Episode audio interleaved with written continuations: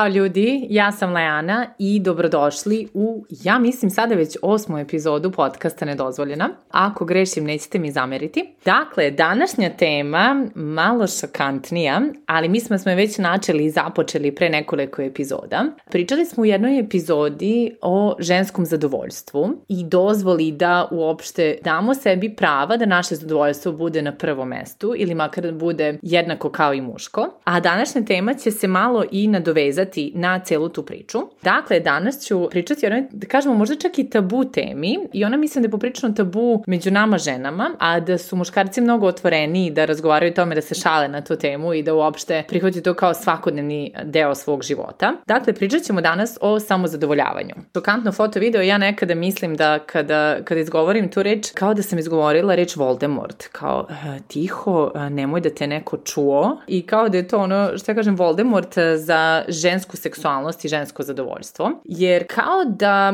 nekako da pričamo o toj masturbaciji i samozadovoljavanju, da to jeste nešto što mora da se dešava tajno, da to pristojne i dobre žene ne govore naglas, ne pričaju sa svojim drugaricama o tome, pogotovo ne pričaju sa svojim muškarcima o tome ili s bilo kojim drugim muškarcem na tu temu. A mislim da je vrlo prisutno, vrlo svakodnevno i vrlo zdravo. Jugo koji bih ja danas zauzela na tu temu jeste upravo ideja o zbrinjavanju sebe i tom nekom self-care momentu. Mi uglavnom kada pričamo o tom nekom self-care momentu kažemo ja idem redovno u teretanu, kada dođem kući sipam sebi čašu vina, stavim masku na lice i pola sata uživam. A mislim da jako redko pristupamo tom samozadovoljavanju na taj isti način. Jer ja stvarno smatram da to upravo jeste način i da sebe volimo i da zbrinemo sebe i da se mi osjećamo i zdravo i dobro i srećno i ispunjeno. Naravno, kažem,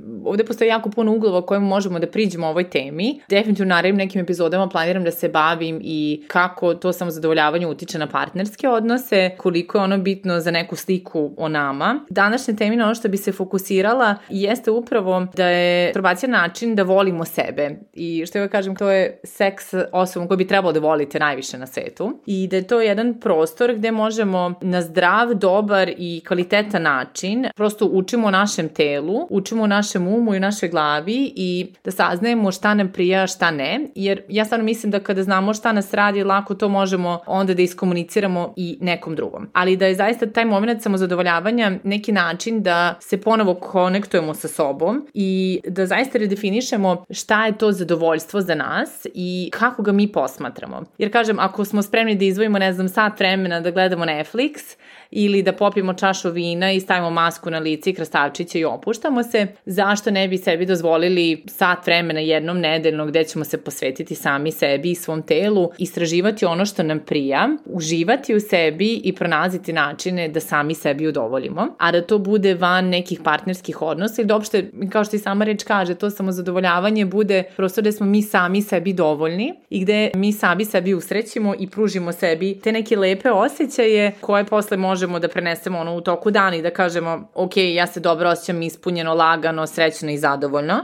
Mislim da kada zaista pričamo o toj masturbaciji i osjećaju smo sami sebe zadovoljili, kada to zaista uradimo i kada to vrlo često radimo, da li je to, e, što ja kažem, sami sa prstićima, sa igračkicama ili kako god vas radi, koliko se nama menja pogled na svet i koliko su mi zadovoljniji, opušteniji i laganije, kada se pristupi tome na neki način da je to istraživanje sebe. Kada pričamo o o jerarhiji potreba, ja zaista smatram da i seks i orgazam i to zadovoljstvo koje možemo pružimo sami sebi, da nekoj listi osnovnih potreba, da je negde prosto normalno i da ako osjećamo seksualnu frustraciju, nezadovoljstvo, nismo dugo imali orgazam, da možemo da se osjećamo i nervozno i nadrdano i neraspoloženo, a onda se to prenese na neke druge delove našeg života. Zaista kada pričamo o tom zadovoljstvu, mislim da samim tim dajemo sebi pravo na isto, dajemo neko pravo da nam ta seksualnost naša postane deo svakodnevnice i da mi ne odvajamo seksualnu energiju od životne energije. I da prosto to vreme koje ćemo posvetiti sebi, našem zadovoljstvu, istraživanju, samo postane još možda čak i neka rutina, kao što ćemo popiti kafu zato što nam prija, tako ćemo se dodirivati zato što nam to prija i zato što je to način da više volimo sebe, a mislim da samim tim kada više volimo sebe i fizički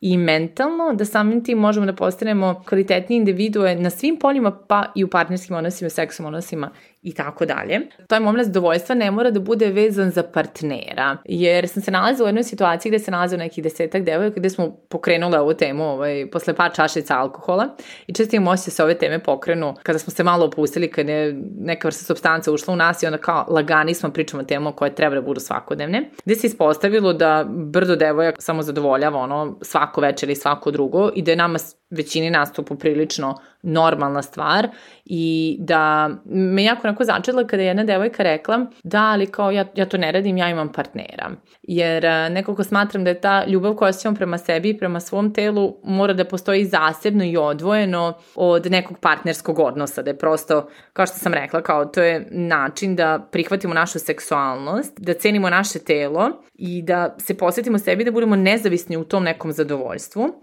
I jedna moderacija ima super rituale ona se skroz posveti sebi, u smislu ona sebi napravi atmosfericu, pusti neku laganu muzikicu, namesti sveće, obuče čak neki lep donji veš, isključi telefon i ono kao, meni je ovo self-care moment i ja sam se posvetila sama sebi i meni je mnogo lepo i neće niko da me prekida. I zaista ono što je meni tu nekako super zdravo i, i dobro je što ona sebi daje prostor da istražuje sebe bez nekih distrakcija i da napravimo ono bukvalno kao date night sa sobom, gde će ona uživati u sebi i gde neće biti potrebno ništa, nikakva druga distrakcija i niko drugi da bi volala i upoznavala sebe. Jer zaista, kažem, pričat ćemo o tome neki drugi put, ali E, što više upoznajemo sebe i šta nas više radi, onda možemo da imamo i kvalitetniji seks sa drugim osobama i da nam to nekako otvara neka nova polja cenjena svog tela i nekako podizanja seksa kao samo na neki skroz drugi, viši i kvalitetniji nivo. Tako da, eto, čisto možda neka druga perspektiva da možemo da posmatramo to samozadovoljavanje ne kao neki prostor koji treba bude tih, nečujan, gde treba se stidimo toga i gde nam je to kao, oh bože, o tome se ne priča, nego da mu zaista pristupimo načinu da je to briga o samoj sebi, da je to briga o našem zdravlju i mentalnom i fizičkom i seksualnom i da to više ostavamo, otvaramo prostor za sebe i dajemo sebi prostor da budemo seksualne. Mislim da smo to sve više oslobođenije koliko i same sobom posle kažem i u nekim seksualnim i partnerskim odnosima. Možda ne toliko pitanje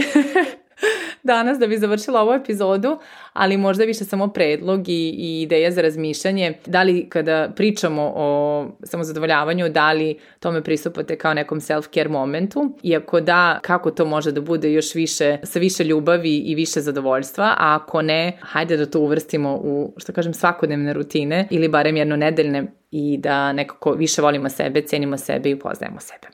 Hvala na slušanju i družimo se uskoro. Ćao! Thank you.